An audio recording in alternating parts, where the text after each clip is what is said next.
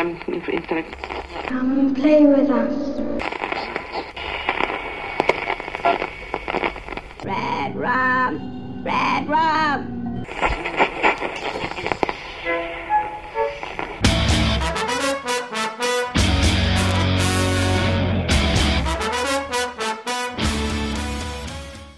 Witam Was serdecznie w 42 odcinku. Na Facebooku napisałem już, że ten odcinek nie powstanie, bo jestem zawalony robotą. Ale doszedłem do wniosku, że trzeba mieć w życiu priorytety. Dziś wezmę sobie na warsztat temat, którego dotąd nie poruszałem na łamach podcastu, a że to bardzo rozległa gałąź, to w końcu wypada zrecenzować jakąś pozycję. Mam na myśli książki o Stephenie Kingu, których jest, no, dużo. Bardzo dużo. Są lepsze i gorsze, choć niestety ja trafiałem jak dotąd tylko na te drugie. Również w Polsce wydano dwie takie książki, o których kiedyś pewnie zrobię jeszcze zbiorczy odcinek, choć przez jedną jak dotąd nie przebrnąłem, a drugiej dałem na SKPL 0 na 10 punktów. Ale ja nie jestem zwolennikiem tego, by mówić tylko o tym, co dobre. Wręcz przeciwnie, uważam, że czasem wypada powiedzieć, co jest słabe, co bardzo słabe, a czego gównem na kiju nie tykać. Dzisiaj będzie o jednej z nowszych pozycji, która jest słaba. No, nawet bardzo słaba. Książka, której planuję poświęcić te kilka dodatkowych minut swojego życia na szybką recenzję, to Lilia's Library – The World of Stephen King. Autorstwa Hansa Ake Lilia, znanego w internecie po prostu jako Lilia. Książka została wydana w 2010 roku przez y, ekskluzywne wydawnictwo Cemetery Dance, wypuszczające m.in. kolekcjonerskie, limitowane edycje utworów Stephena Kinga. Omawiana pozycja wyszła zarówno w normalnej, jak i w limitowanej edycji z podpisami autora i rysownika. Przy czym ta normalna to także norma według zupełnie innych standardów niż nasze. Zacznę może od tego, kim jest Lilia. Po pierwsze to ogromny fanboy Stephena Kinga. Od 15 lat prowadzi najbardziej znany na świecie serwis fanowski poświęcony Kingowi. No, ja już na wstępie zaznaczam, że będę często krytykował jego dokonania i to nie jest tak, że przemawia przeze mnie zazdrość. Owszem, nie ukrywam, że jestem zazdrosny, że Szwed, który także udziela się jakoś w szwedzkim serwisie, stworzył blok anglojęzyczny i zrobił to pięć lat przed nami. A tak naprawdę jakieś siedem lat przed tym, jak my na dobre poświęciliśmy się pracy nad serwisem. I choć wiele razy poruszaliśmy temat wypuszczenia anglojęzycznej, okrojonej wersji StephenKing.pl, to zawsze ktoś na starcie gasił zapał, mówiąc e, po co świat ma lilię. A trzeba przyznać, że Lilia osiągnął ogromny sukces w środowisku. Mm, ma bardzo dobre kontakty z twórcami filmów, książek, komiksów. I tu już nie chodzi o same wywiady, bo dziś każdy może zrobić wywiad, bez względu na to, gdzie mieszka. Obecnie tak naprawdę nawet wywiad telefoniczny nie jest problemem i anglojęzyczni podcasterzy Kingowi już zrobili kilka takich audycji. W przypadku Lili to jednak zupełnie inny kaliber. Lilia ma kontakty niemal przyjacielskie. Filmowcy wysyłają mu zdjęcia promocyjne, gadżety z planu i to takie rzeczy, za które naprawdę oddałbym nerkę, płuco i pół wątroby. Rysownicy robią dla niego specjalne ilustracje. Umieszczają go w komiksach. Ostatnio znalazł się w materiałach promocyjnych filmu Worek Kości. No, sen każdego fana. Trochę zazdrość, ale też radość, że to jeden z nas, e, malutkich pionków, został doceniony. I to nie tyle przez pośredników między nami a Kingiem, ale i przez samego Kinga. I tak jak dotąd można było się ślinić, e, tak teraz to już jest pełne szczytowanie. King podkreślał, że często jest proszony przez twórców serwisów internetowych o wywiad, e, ale zazwyczaj nie może sobie pozwolić na tysiące rozmów z każdym fanem. I to właśnie Lilię potraktował jako takiego naszego przedstawiciela. Przeprowadził z nim nie jeden, a dwa, nie mailowe, a telefoniczne wywiady. I były to naprawdę długie rozmowy. Lilia podzielił je na sześć odcinków. Niestety udostępnione zostały jedynie w formie tekstowej. Kiedy to w 2006 roku King odwiedził Europę, e, my byliśmy w księgarni i na spotkaniu biletowanym. Lilia do tego był jeszcze na specjalnym bankiecie, na specjalne zaproszenie Kinga. Pytanie, dlaczego o tym mówię? Chcę nakreślić, kim jest autor książki i co osiągnął, a jednocześnie jak przeciętna jest jego praca, którą wykonuje na co dzień. Ja szanuję Lilię za wszystko, co robi i, i co osiągnął, ale jednocześnie drażni mnie fakt, że ta jego strona jest tak naprawdę do dupy. Kiedyś wszyscy brali newsy od Bewa Vincenta i Lilia był po prostu łatwiej dostępną kopią forum Bewa. Teraz każdy ma już swoje miejsca, w których sprawdza newsy i Lilia nie wybija się niczym. Do tego on zwykle wkleja to, co mu ludzie podeślą, bez własnego komentarza, bez opisu, często suche linki, które po czasie wygasają i często bez korekty. Wiem, bo sam mu kiedyś wysłałem z błędem. No, no, no niecelowo przecież, ale taki news poszedł. Dla mnie serwis liliaslibrary.com to jest zwykły blog. Nie różniący się niczym oddajmy na to naszej facebookowej ściany. Koleś jednak po pierwsze ma kontakty, po drugie umie je wykorzystać. Jeden z ostatnich konkursów na Lili przysporzył mu w krótkim czasie jakieś 7 tysięcy fanów na fejsie. Kolejnym minusem serwisu są recenzje Lili. Dobra, koleś ma często dostęp do rzeczy przedpremierowych. W zasadzie chyba zawsze ma. Ale jego recki to takie teksty młodego blogera. Często jednoakapitowe, w których 90% to opis, a jedno zdanie to opinia autora. Po czym zawsze na koniec daje wyróżniony akapit ostatnie słowo Lili, w którym powtarza to, co napisał wcześniej, że fajne, że super i tak dalej. Osobiście nie pamiętam, czy kiedyś napisał negatywną recenzję. Ja nie lubię krytykować recenzji fanów, no bo sam je piszę i mistrzem w te klocki nie jestem, ale no, to co tworzy Lilia, no jest zwyczajnie okrutnie słabe. Kolejna rzecz to dobro recenzji i ich częstotliwość. Lilia przykładowo napisał kilka recek pojedynczych zeszytów komiksowych i potem to olał. Mm, często recenzuje odcinki seriali Martwa Strefa i Haven i robi to na takiej zasadzie, że najpierw przez chwilę systematycznie, potem zaczyna robić jedną recenzję na dwa odcinki, a jeszcze potem jakiś przekrój pięciu odcinków w jednym tekście. Czasem, jak miał ochotę, to wrzucał jakąś kompletnie z dupy reckę, niezwiązaną z Kingiem. W, w, sumie, jak tak teraz sobie myślę, to trochę tak jak Radio SK. Lilia wprowadził też dział niezwiązany z Kingiem, którego na szczęście nie widać na głównej stronie, a jedynie w RSS-ach albo na fejsie. I tam daje kompletnie z tyłka rzeczy. Przykładowo trailer szóstego sezonu Dextera. W tym tygodniu przykładowo rozpoczął cykl z mikrorecenzjami kolejnych odcinków seriali, które ogląda. Co czyni ten serwis, a, a przypominam, że jego nazwa to Świat Stephena Kinga, no według mnie prywatnym blogiem Lili. Można nadal pytać, po co cały czas pitole o samym autorze i jego stronie, zamiast przejść do książki. Po pierwsze, chcę nakreślić, z jakim serwisem mamy do czynienia i jakim jest to fenomenem, że coś, co przypomina prywatny blog, urosło do takiej rangi. Po drugie, jest to bardzo istotne, bo książka, o której mam zamiar powiedzieć dziś kilka zdań, to nic innego jak teksty ze strony zebrane i wydane na papierze. Nie jest to nowy pomysł. Y, podobną rzecz kilka lat temu zrobił Tyler Hall, autor nieistniejącej już strony The Dark Tower Net. Mm, on jednak swoją książeczkę wydał, nie mam pojęcia nawet gdzie. Lilia natomiast od razu wszedł do Ligi Mistrzów.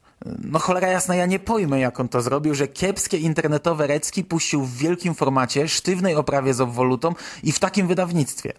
Okładkę książki wykonał Glenn Chadbourne, sztandarowy rysownik z Cemetery Dance, który ilustrował choćby ostatnie wydanie To na 25-lecie powieści, ale także wiele, wiele innych książek. Glenn specjalnie dla Lily stworzył też postać Marwa, policjanta bibliotecznego, która od lat zdobi górny baner serwisu, a ostatecznie trafiła też na okładkę.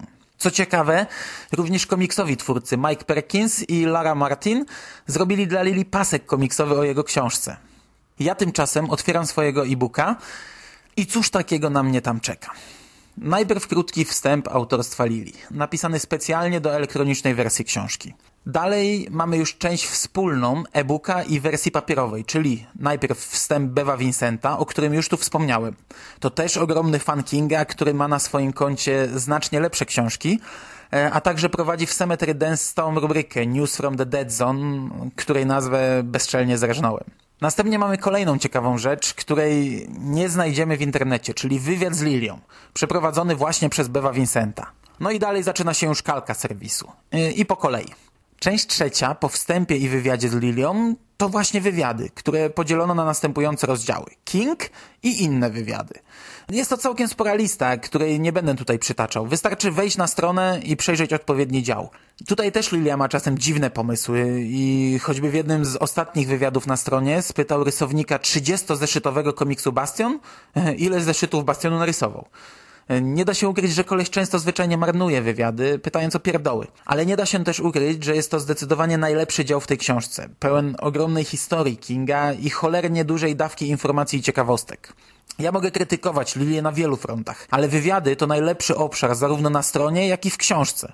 I, I moim zdaniem na tym można było zamknąć tę pozycję, co i tak dawałoby dużą objętościowo książkę. Ogromny minus y, to niemalże brak wstępów do wywiadów. Przykładowo, wszedłem sobie losowo w rozmowę z George'em Guidal, y, z George'em Guidalem. I za cholerę nie mam pojęcia, kim jest ten człowiek. A takich nazwisk mogę dać tutaj całą listę, bo Lilia robi wywiady z wieloma nieznanymi z nazwiska ludźmi. Moim zdaniem to wręcz wymóg, by dać krótki wstęp poprzedzający część właściwą. Oczywiście w kilku wywiadach takie jedno, dwuzdaniowe wprowadzenia się znalazło, ale nie jest to coś napisane na potrzeby książki. Po prostu o ile na stronie był wstęp, to poszedł też do książki. On na zasadzie kopiuj wklej. Sami przejrzyjcie sobie jednak losowo dział wywiady na Lili i większość z nich to sucha rozmowa. Część czwarta w spisie treści e, to recenzje książek, także podzielone na rozdziały. Najpierw są to różne rzeczy związane z Kingiem, czyli powieści, opowiadania, książki audio i tego typu utwory. Drugi rozdział to Mroczna Wieża, a w niej... E, I tutaj warto się bardziej zagłębić, bo zaczyna się zabawnie. Najpierw recenzja drugiego wydania pierwszego tomu. Potem recenzja Concordance autorstwa Robin Ford a dalej dwie recenzje piątego tomu w wersji papierowej i audio, dwie szóstego i dwie siódmego. Serio, Lilia nie zrecenzował tomów 2-4, co rozumiem w przypadku strony, ale no ludzie, w książce to jest niedopuszczalne. Serio, nie ogarniam, jak można wydać książkę o Kingu, zrobić w niej dział Mroczna Wieża i zrecenzować w nim połowę cyklu, do tego wybiórczo. Dalej jest równie ciekawe. Następne dwie recenzje to The Road to the Dark Tower Bewa Vincenta, dobra książka nawiasem mówiąc, i drugi tom encyklopedii Robin Ford. A potem jest Recka Dobry, Zły i Brzydki. Tak, tego westernu Sergio Leone. Potem Lilia przechodzi do wieżowych komiksów, recenzuje siedem zeszytów pierwszej serii, dodatki oraz wydanie zbiorcze, które nawet w książce jest nazwane omnibusem. Ja recenzując ten album na stephenking.pl też tak go nazwałem, bo tak to wtedy było określane. A fani Kinga gówno o komiksie wtedy wiedzieli. No ale e, cholera, od tego czasu Lilia chyba liznął trochę terminologię komiksową i mógł to zedytować. Potem jest jeszcze pięć zeszytów drugiej serii, dodatki i na tym kończy się rozdział Mroczna Wieża. I nieważne, że do 2010 roku powstało w sumie sześć serii komiksu. Na stronie Lili znudziło się recenzowanie, a do książki wkleił to, co było na stronie, tak jak leci. Trzeci rozdział w książkowych recenzjach to książki o Kingu, do której trafiły recenzje dziewięciu pozycji. Zakładam w ciemno, że wszystkie lepsze od omawianego tytułu. Czwarty rozdział to książki o filmach lub jakoś z filmem związane. To tylko sześć recenzji, takich jak przewodnik Creepshows, skrypty do filmów, czy książki będące częścią promocji filmów, jak z dziennika Ellen Rimbauer czy Czerwona Róża, te dwie ostatnie wydane także w Polsce. Piąty rozdział nazywa się Prawie i są tu recenzje kompletnie z czapy wzięte, jak serial Mistrzowie Horroru, Pudełko w kształcie serca Joe Hilla i kilka innych. Kolejna część, piąta, to recenzje filmowe. I tutaj podział jest jeszcze zabawniejszy. Pierwszy rozdział to TV, a w niej aż 12 recenzji.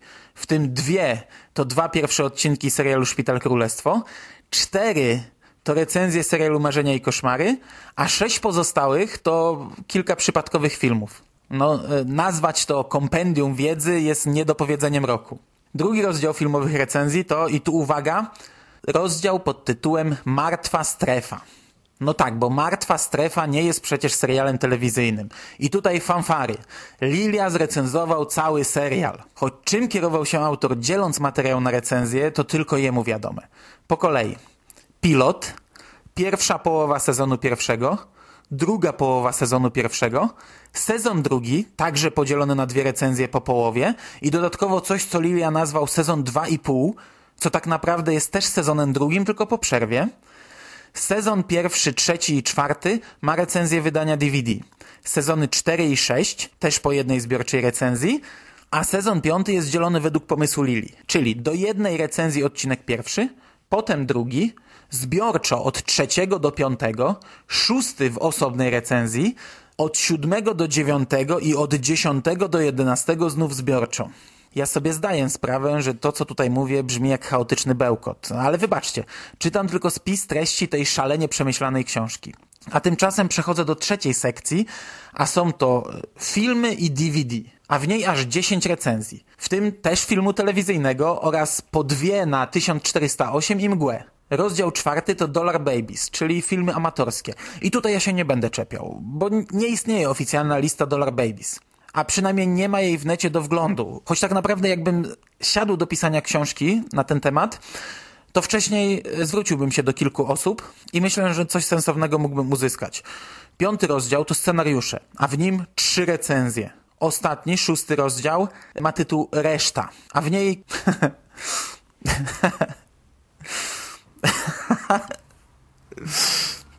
a w niej kilka recenzji, które nigdzie nie pasowały.